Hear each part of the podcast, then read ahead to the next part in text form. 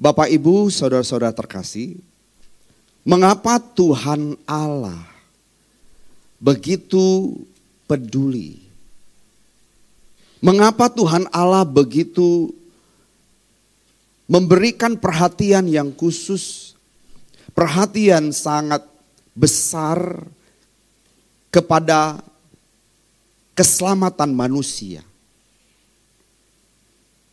Perhatikan apa yang Bapak Yahweh lakukan terhadap manusia setelah manusia jatuh ke dalam dosa. Hal ini merupakan sebuah bentuk kegusaran hati Bapa Yahweh terhadap kondisi manusia. Setelah manusia jatuh dalam dosa. Tuhan ber, begitu mengupayakan keselamatan manusia. Ini merupakan bentuk kegusaran Tuhan, kegusaran hati Tuhan. Bapak merasa terancam, Bapak merasa tidak nyaman setelah manusia jatuh dalam dosa. Apa yang Bapak Ibu rasakan jika anak kita satu-satunya terpapar narkoba. Apakah kita tidak gusar? Dan kegusaran kita, kegusaran kita, kita nyatakan dalam bentuk mengupayakan keselamatan anak kita. Jangankan narkoba, kita tahu, kita mendengar ketika anak kita berpacaran dengan seseorang yang tidak sepatutnya. Beda agama, beda usia. Apa yang kita lakukan? Kita mengupayakan keselamatan anak kita. Kalau perlu, anak kita kita ungsikan ke luar negeri atau pulang pulang kampung. Supaya anak kita bisa selamat. Perhatikan apa yang Tuhan lakukan. Setelah manusia jatuh ke dalam dosa, di dalam kejadian 3 ayat 15. Kejadian 3 ayat 15. Firman Tuhan mengatakan, Aku akan mengadakan permusuhan antara engkau dan perempuan ini antara keturunanmu dan keturunannya. Keturunannya akan meremukkan kepalamu dan engkau akan meremukkan tumitnya. Setelah Tuhan mengetahui bahwa manusia pertama jatuh ke dalam dosa, Tuhan segera membuat strategi, rencana keselamatan umat manusia. Di dalam ayat yang kita baca tadi, ini merupakan rencana keselamatan Allah bagi umat manusia yang disebut proto-evangelium. Tuhan merencanakan keselamatan manusia karena manusia tidak dapat menyelesaikan dosanya sendiri. Sehingga Bapa yang berinisiatif untuk menyelamatkan manusia melalui pengorbanan anak tunggal Bapa yaitu Tuhan kita Yesus Kristus yang kemudian disalibkan dan mati turun ke dalam dunia orang mati. Tapi puji Tuhan, Tuhan Yesus bangkit dari kematian. Dan hal itu digenapi Bapak Ibu. Di kejadian 3 ayat 15 ini merupakan strategi rencana keselamatan Allah bagi seluruh umat manusia. Dan di dalam Yohanes 3 ayat 16, rencana keselamatan Allah bagi seluruh umat manusia digenapi. Dan ini menunjukkan begitu besarnya kasih Allah akan dunia ini. Dunia yang sudah jatuh ke dalam dosa. Dan Tuhan begitu gusar. Tidak nyaman. Tuhan terancam Jangan sampai manusia ini binasa. Itu sebabnya Tuhan Yesus dihadirkan di atas muka bumi ini. menjadi kurban keselamatan bagi umat manusia. Dikatakan di dalam Yohanes 3:16 kita baca sama-sama Bapak Ibu 23. Karena begitu besar kasih Allah akan dunia ini sehingga ia telah mengaruniakan anaknya yang tunggal supaya setiap orang yang percaya kepadanya tidak binasa melainkan beroleh hidup yang kekal. Strategi rencana keselamatan Allah sudah digenapi di dalam pengorbanan Tuhan Yesus Kristus. Bapak, Ibu, saudara-saudara yang dikasih Tuhan.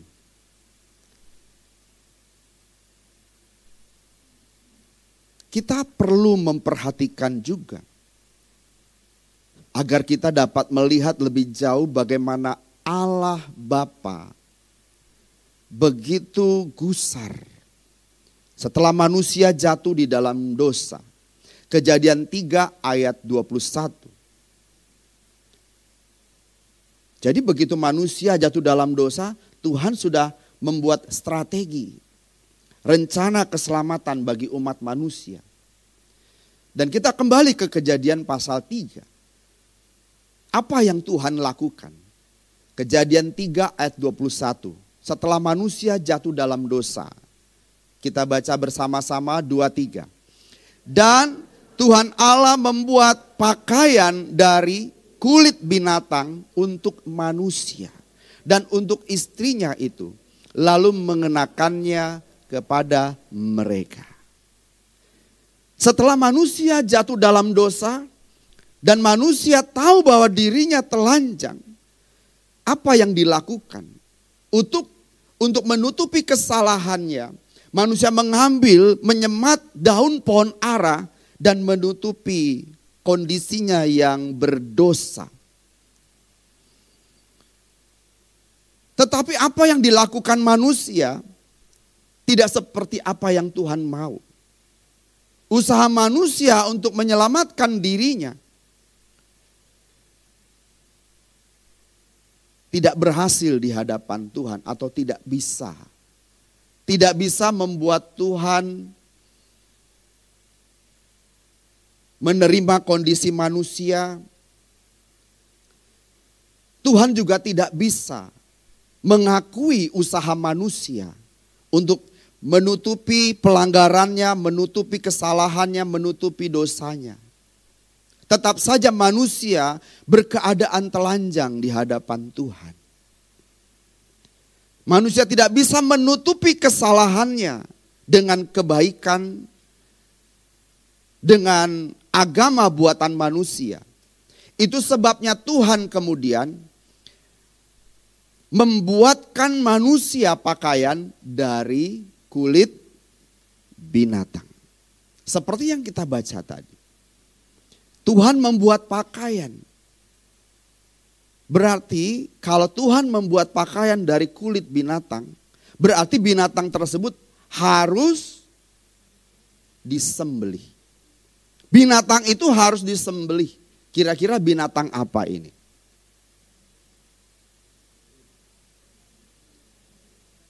Kambing, sapi, guguk, nggak mungkin guguk. Atau buaya?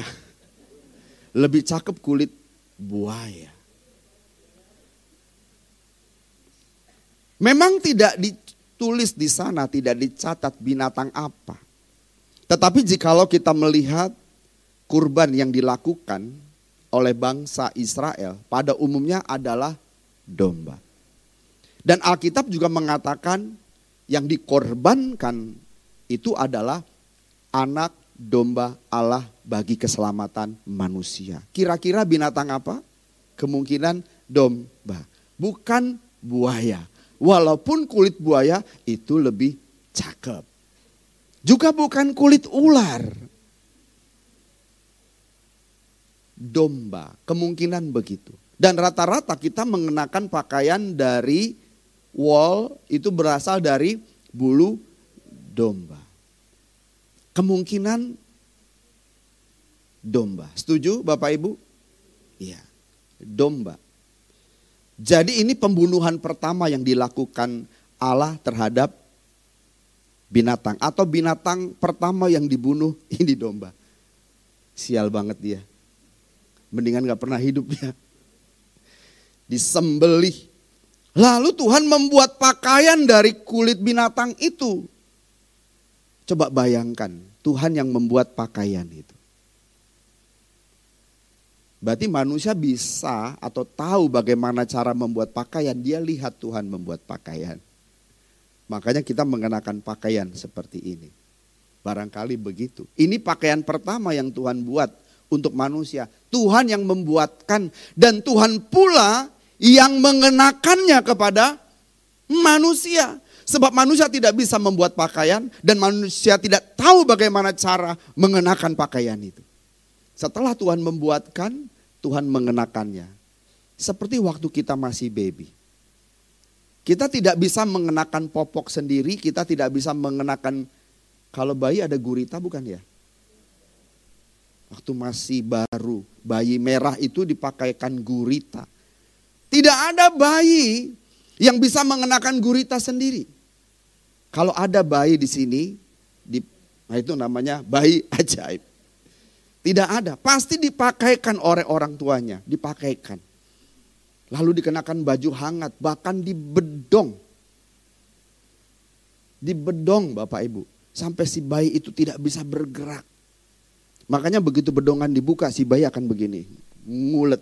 Dia merasa bebas.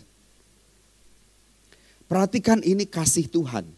Ini merupakan kasih Tuhan, cinta Tuhan yang begitu besar kepada manusia setelah manusia jatuh dalam dosa. Tuhan tahu bahwa manusia tidak bisa menyelamatkan dirinya. Itu sebabnya Allah yang berinisiatif. Menyelamatkan manusia, mengupayakan keselamatan manusia. Jadi lagu yang kita nyanyikan sebelum firman Tuhan itu pas banget. Sungguh ku rindu Buktikan ku cinta padamu dengan apa? Memberitakan kebenaranmu. Cocok.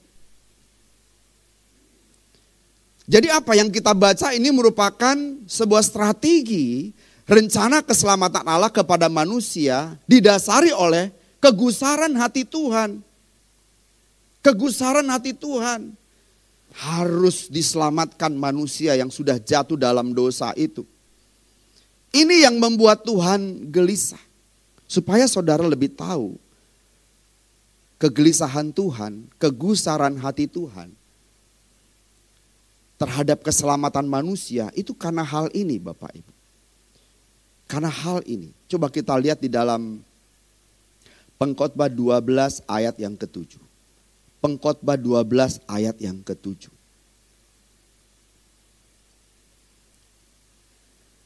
Kita baca bersama-sama Pengkhotbah 12 ayat yang ketujuh. Dan debu kembali menjadi tanah seperti semula. Dan roh kembali kepada Allah yang mengaruniakannya. Begini Bapak Ibu. Ketika Tuhan Allah menciptakan manusia, ketika Tuhan Allah menciptakan manusia pada pertama kali manusia diciptakan, Allah Elohim Yahweh memberikan roh kepada manusia. Roh. Apa itu roh? Roh merupakan unsur kekal dari Allah diberikan kepada manusia. Jadi semua manusia pada akhirnya memiliki unsur kekal. Jadi kita memiliki roh. Bukan hanya tubuh jiwa tetapi juga ada roh. Roh itu merupakan unsur kekal dari Allah supaya apa? Supaya manusia dapat berinteraksi dengan Tuhan. Manusia dapat berinteraksi. Dengan manusia dapat berinteraksi dengan Tuhan, manusia dapat menjadi sahabat Allah. Dengan manusia bisa berinteraksi dengan Tuhan, manusia dapat menjadi keluarga kerajaan Allah. Manusia dengan diberikan roh dari Allah, manusia bisa bersekutu dengan Allah. Tanpa roh yang dari Allah, manusia tidak bisa bersekutu dengan Allah. Tanpa roh diberikan Allah kepada manusia, manusia tidak dapat menjadi keluarga Allah. Tanpa roh, manusia tidak dapat berinteraksi dengan Tuhan. Saudara punya HP.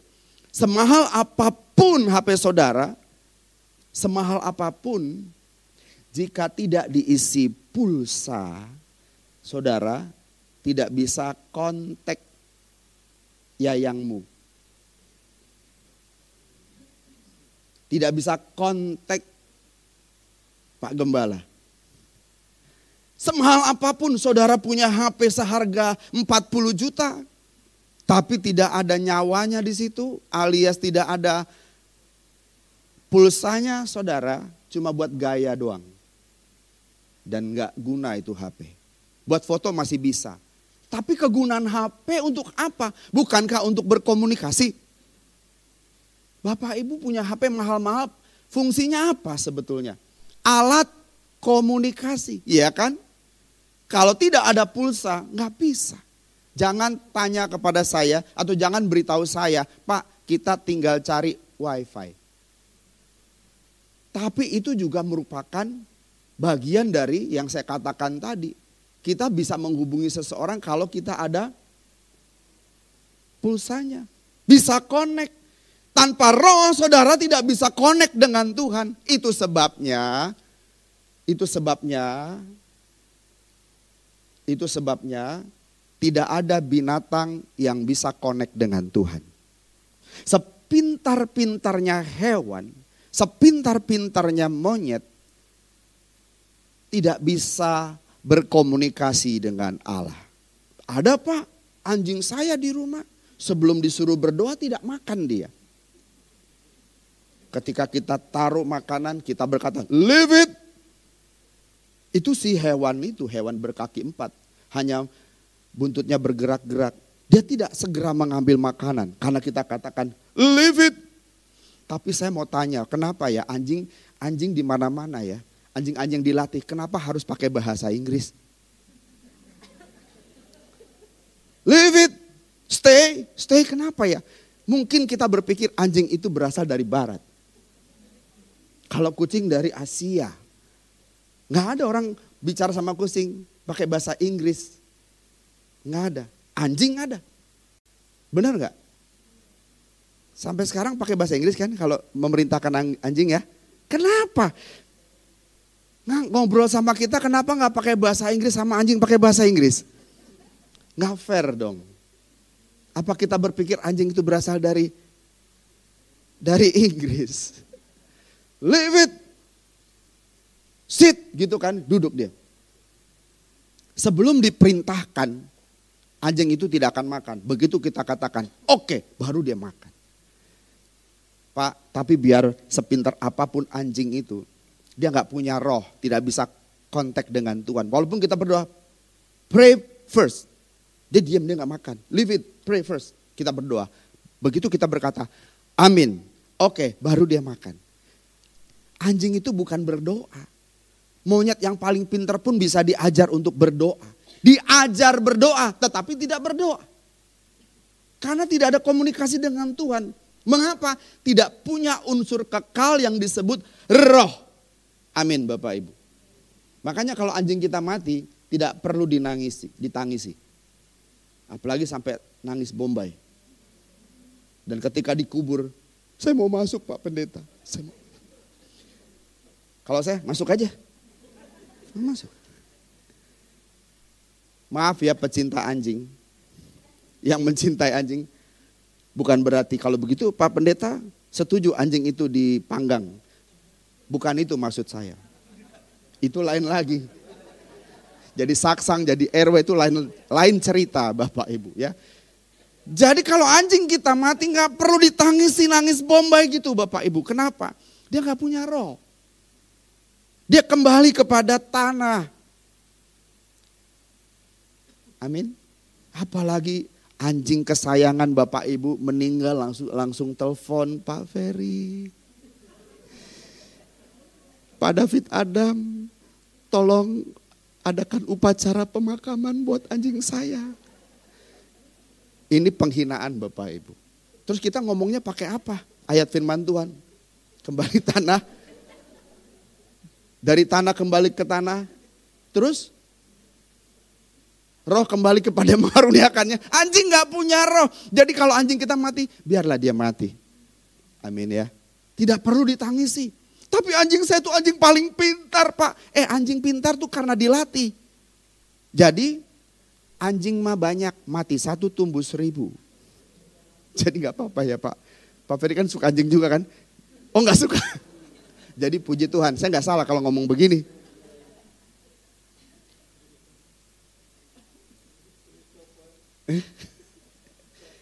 Jawab ini.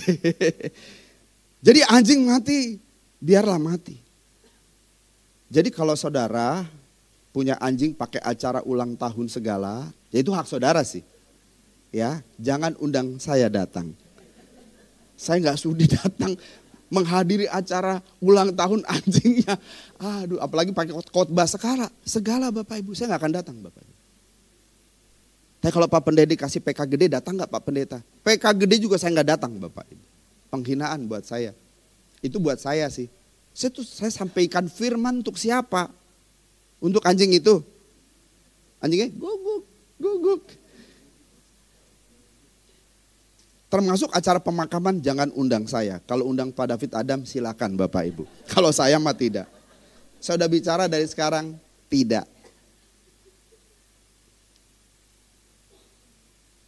Tapi di sini rasanya nggak ada ya. Nggak ada. Tapi ada loh.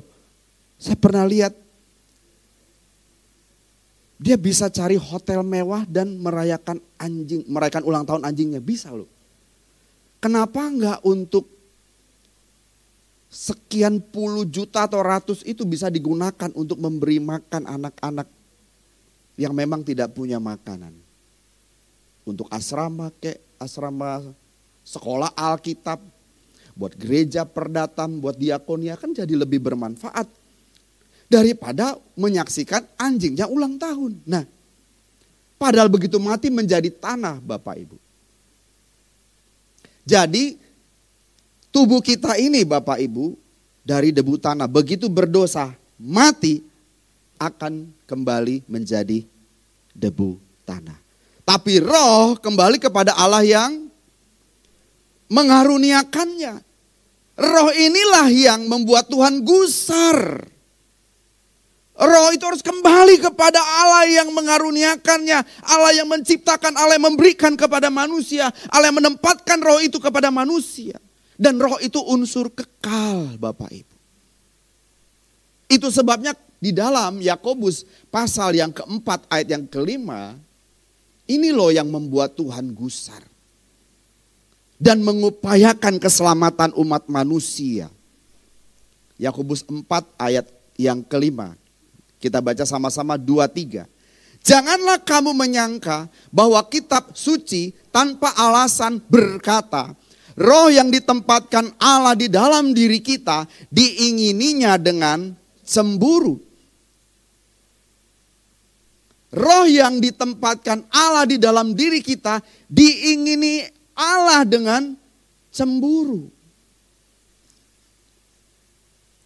Cemburu maksudnya apa? Cemburu maksudnya begini Bapak Ibu. Saya kasih contoh ya. Kalau misalnya Errol, Errol, istrimu naik ojek, di depan siapa? Tukang ojek di depan tuh. Atau siapa lagi tuh. Katakan gitu namanya, Hah? Sapri. Sapri, ya Bang Sapri. Tiap hari naik ojek sama Sapri. Padahal di sana ada si Tono, ada si Joko, ya kan? Tapi sapri terus. Pagi-pagi udah, Pri, lu di mana? Gitu coba bayangin. Pri, jemput gua gitu. Senang atau cemburu? Lama-lama cemburu. Kemudian Errol bilang, lu kenapa sih? Naik ojek sama Sapri terus, Sapri terus. Emang gak ada yang lain? Gini loh Pi, kalau Sapri ini bawa ojeknya itu lembut gitu nggak zigzag, nggak ngebut. Bahkan ngerem aja dia pelan-pelan. Nunggu ketabrak baru berhenti motornya. Nah coba papi kalau papi saya pakai yang lain. Coba sama si Joko, si Tono itu kalau bawa motor zigzag ngebut. Papi mau aku jadi, papi jadi duda, mau. Kan gak mau kan, makanya aku pilih Sapri, bawa ojek. Dia gak zigzag bawa ojeknya. Ya memang bawa motornya gak zigzag, tapi hati gue zigzag tahu. Kan begitu. Kenapa? Kenapa bisa cemburu? Karena istrinya itu adalah miliknya. Amin. Istrinya itu miliknya. Jadi roh yang dari Allah itu adalah milik siapa? Milik Allah. Allah yang mengaruniakan, Allah yang menempatkan dalam diri manusia. Dan Tuhan menginginnya dengan cemburu. Karena roh itu adalah unsur kekal Bapak Ibu. Tuhan mengupayakan roh itu kembali. Begitu jatuh dalam dosa, Tuhan gusar. Jangan sampai rohnya itu diambil alih, dibawa oleh makhluk yang lain. Oleh kuasa yang lain. Siapa itu? Makhluk yang lain itu siapa? Lucifer Bapak Ibu. Tuhan tidak rela jika roh yang daripadanya, dari Allah tadi, di mana Allah menciptakannya, unsur kekal itu yaitu roh, itu dibawa, diseret oleh roh kegelapan, oleh Lucifer, ke dalam api kekal selama-lamanya. Tuhan tidak sudi, Tuhan tidak mau Bapak Ibu. Makanya Tuhan gusar. Tuhan begitu mengasihi manusia dan roh yang ditempatkannya itu diupayakan untuk diselamatkan. Karena tubuh ini kembali kepada tanah, Pak, Bu. Begitu kita meninggal, tubuh kita ini kembali kepada tanah. Jadi begitu kita meninggal, yang lepas itu jiwa dan roh. Jiwa dan roh ini bersatu Bapak Ibu. Keluar dari jasad kita, keluar dari tubuh kita. Roh dan jiwa bersatu. Ini yang kembali kepada Allah. Tubuh menjadi tanah. Dan Tuhan tidak mau unsur kekal ini berkeadaan kekal di api kekal. Sebab Bapak Ibu, ada hanya ada dua jurusan dalam dunia ini. Satu, jurusannya adalah jurusan kekal yang pertama adalah kekekalan di api kekal. Yang kedua, kekekalan di dalam rumah Bapa. Dan Tuhan tidak menghendaki roh yang kekal itu masuk ke api kekal Bapak Ibu. Makanya Tuhan begitu gusar. Begitu cemburu. Begitu cemburu Tuhan itu. Jadi ketika Tuhan Allah menciptakan manusia sekali lagi, Tuhan memberikan roh kepada manusia. Ditempatkannya roh itu kepada di dalam manusia. Ini yang dicemburui oleh Tuhan. Dan Tuhan mengupayakan keselamatannya. Jadi Tuhan bukan tanpa alasan kalau kita membaca tadi Allah begitu cemburu, bukan tanpa alasan, punya alasan Tuhan cemburu. Jadi Tuhan itu mengingini roh yang ada pada manusia itu dengan amat sangat. Yang dalam bahasa aslinya adalah kenos. To purpose. Ada tujuan. Jadi Tuhan mengingini rohnya, roh kita ini bukan ngadi-ngadi. Tau ngadi-ngadi? Ngada-ngada. Baru tahu Bu, ini bahasa Indonesia baru Pak ngadi-ngadi. Ya, dulu belum ada. Jadi Tuhan itu bukan ngada-ngada. Mengingini roh yang ada pada manusia itu. Bukan ngada-ngada Pak. Dan Tuhan bukan pura-pura gusar. Dia benar-benar gusar. Seperti orang cemburu. Mengingini betul roh yang ada pada manusia. Karena itu miliknya Tuhan dari Tuhan. Setan itu kurang ajar. Dia mau mengambil apa yang bukan haknya dan membawanya ke api kekal. Tuhan gak rela Bapak Ibu.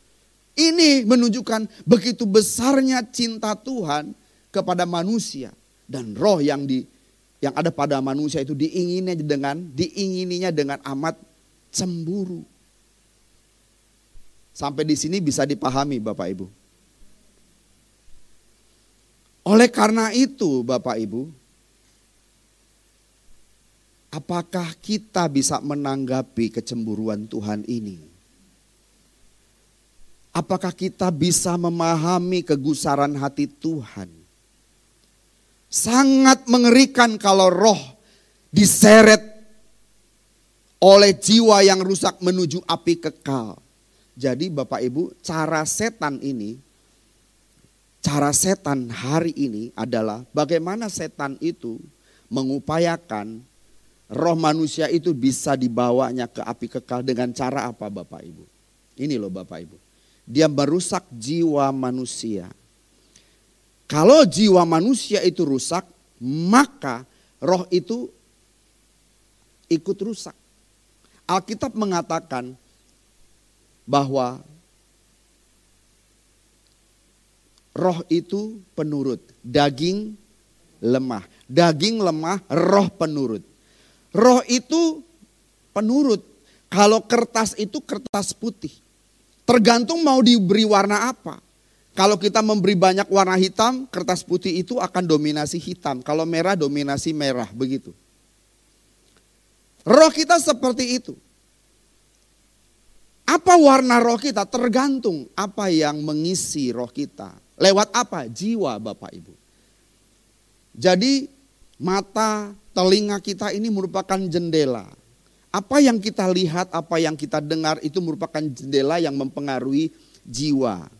Dan jiwa ini nanti akan memengaruhi roh. Karena roh itu penurut ketika kita lebih banyak mengkonsumsi apa yang kita lihat misalnya nih Bapak Ibu. Mengkonsumsi blue film, film-film dewasa. Ini contoh ya. Lebih banyak mengkonsumsi film dewasa maka jiwa kita rusak Bapak Ibu. Dan rusaknya jiwa kita ini akan memengaruhi roh. Roh kan penurut, penurut. Dan jiwa kita ini yang terdiri dari dalam jiwa itu adalah pikiran, perasaan, kehendak. Apa yang sering dia lihat akan menghasilkan kehendak. Kalau yang dilihatnya buruk, mengisi pikiran terus mengisi jiwanya, maka jiwa akan berkuasa dan melakukan apa yang buruk. Apa yang buruk. Makanya sampai seseorang bisa ketagihan Bapak Ibu. Ketagihan sesuatu itu kan dari jiwa. Orang bisa ketagihan main game, ya kan? Dan itu cara setan juga mengalihkan pikiran kita. Seharusnya jiwa kita diisi oleh kebenaran firman Tuhan supaya rohnya itu makin kuat, makin besar. Tapi kalau kita mengkonsumsi sesuatu yang buruk, yang buruk ya jiwa kita nanti mengajari atau memberi warna kepada roh kita sesuatu yang buruk judi, percintaan, terus kita lakukan mengisi sesuatu yang buruk, termasuk hal yang kita dengar, hal-hal yang jelek. Senangnya dengar gosip. Ya kan? Gosip itu membuat pikiran kita rusak juga Bapak Ibu. Harusnya nggak berpikir jelek tentang seseorang jadi jelek tentang seseorang. Padahal itu hanya cerita. Kita lihat langsung juga enggak Bapak Ibu. Tapi lebih percaya orang yang pertama cerita kepada kita. Ya kan? Si A cerita, lu tahu nggak? Dia tuh begini-begini. Benar apa enggak kita langsung telan bulat-bulat. Akhirnya pikiran kita begitu ngeliat dia, ih. Gitu kan? Ih. Hati-hati dengan orang ini. Kita jadi hati-hati pada orang itu enggak nggak bikin apa-apa sebetulnya. Ngerti Bapak Ibu? Misalnya di sini tiba-tiba datang ibu coklat Ibu coklat mana ada ya? Ibu pakai baju coklat duduk di depan. Nah ibu-ibu dari belakang bilang, hati-hati sama ibu-ibu yang di depan yang pakai baju coklat. Jagain tas, jagain HP. Apalagi suami, jagain. Nah bapak ibu dari ke dari belakang terus ngomong ke depan. Nah dia anteng aja gitu ikut menyembah. Begitu pulang, semua ibu-ibu langsung ambil tas. Suami langsung digandengin pulang. Padahal dia jalan-jalan aja, nih kenapa nih ibu-ibu perdatam nih, gitu kan? Kenapa? Mempengaruhi pikiran kita, ya kan? Jadi jelek tentang orang itu. Mengerti Bapak Ibu? Nah sekarang kalau yang kita konsumsi sesuatu yang buruk, sesuatu yang jahat, kesenangan-kesenangan daging. Kesenangan daging pada dasarnya tidak semuanya buruk Bapak Ibu, tergantung. Tapi kalau kesenangan daging yang bertolak belakang dengan kehendak Tuhan itu yang kita konsumsi hari-hari. Kita lebih banyak nonton gosip, kita lebih banyak nonton, apalagi sekarang udah ada Netflix di rumah ya kan. Itu kalau nonton film Korea bisa berjam-jam Bapak Ibu. Apalagi kalau episode nggak kelar-kelar. Makanya saya sering godain anak saya kalau lagi nonton serius banget. Saya bilang, saya colek anak saya, jagoannya pasti menang. Apaan sih papa katanya? Iya gak percaya jagoannya menang. Supaya dia gak terlalu konsen. Nonton tuh bisa, ih, ih bodoh banget, ih bodoh banget. Pak itu semua udah diatur bu. Saya kunjungan jemaat, ibunya bilang ini kepada saya. Pak pendeta itu si bapak itu, coba kalau nonton sinetron ini marah-marah sendiri Pak pendeta tolong didoakan. Saya bilang, eh bapak,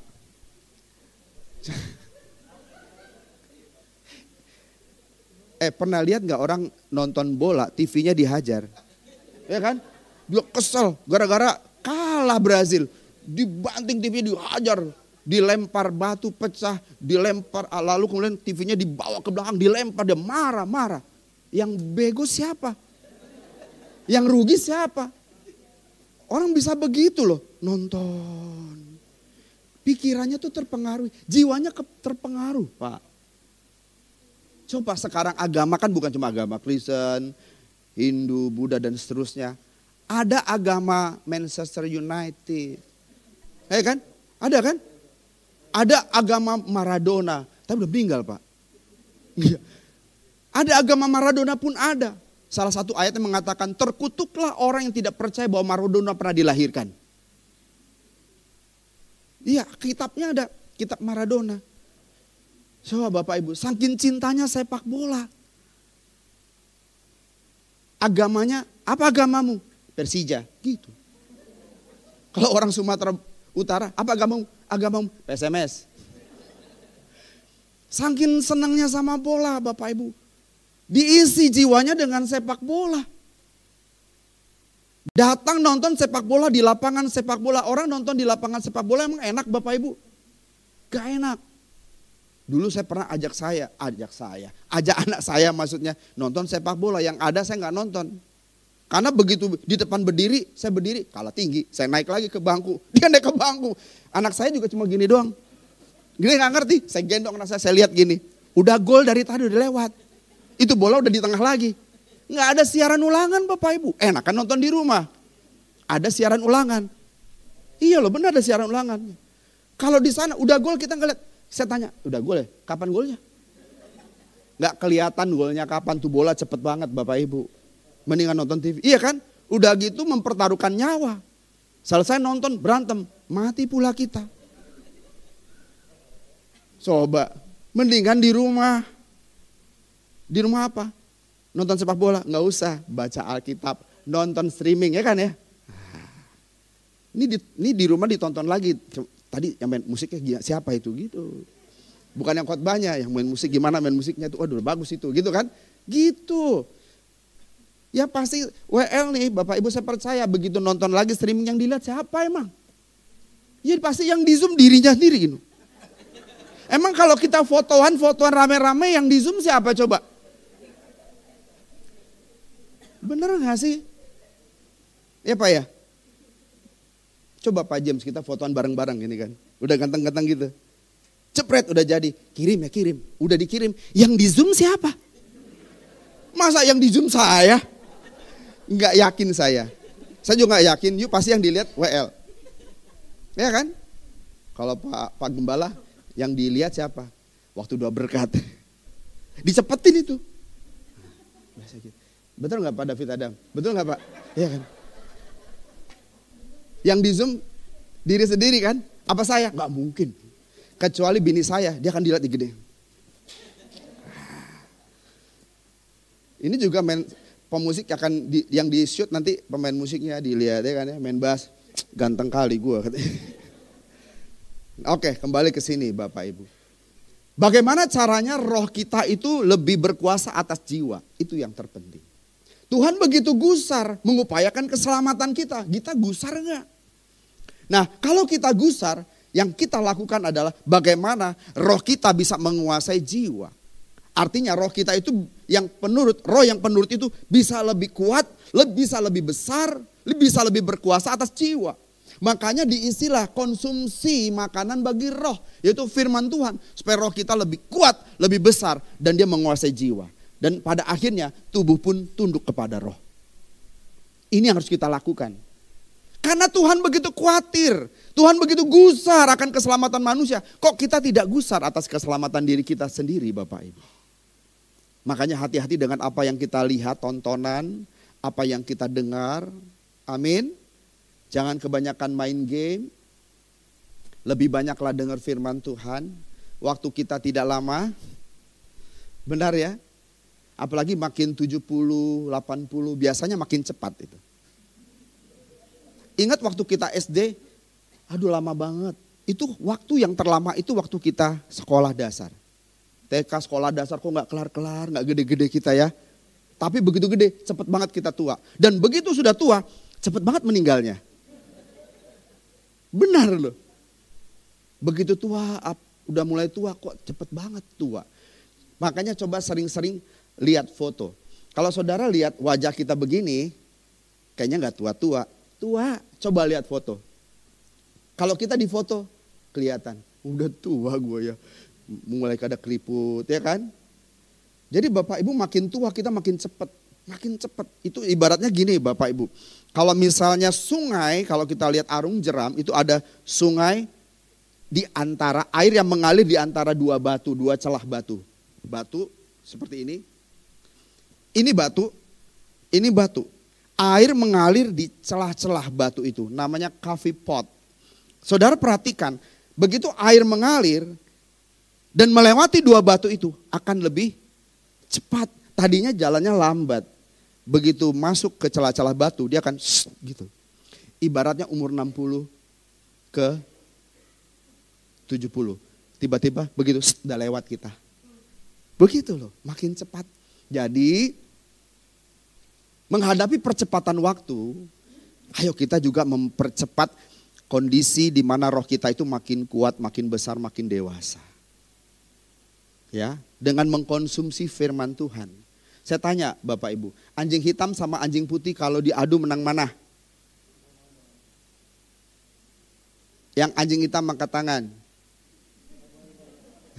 yang anjing putih? Iya.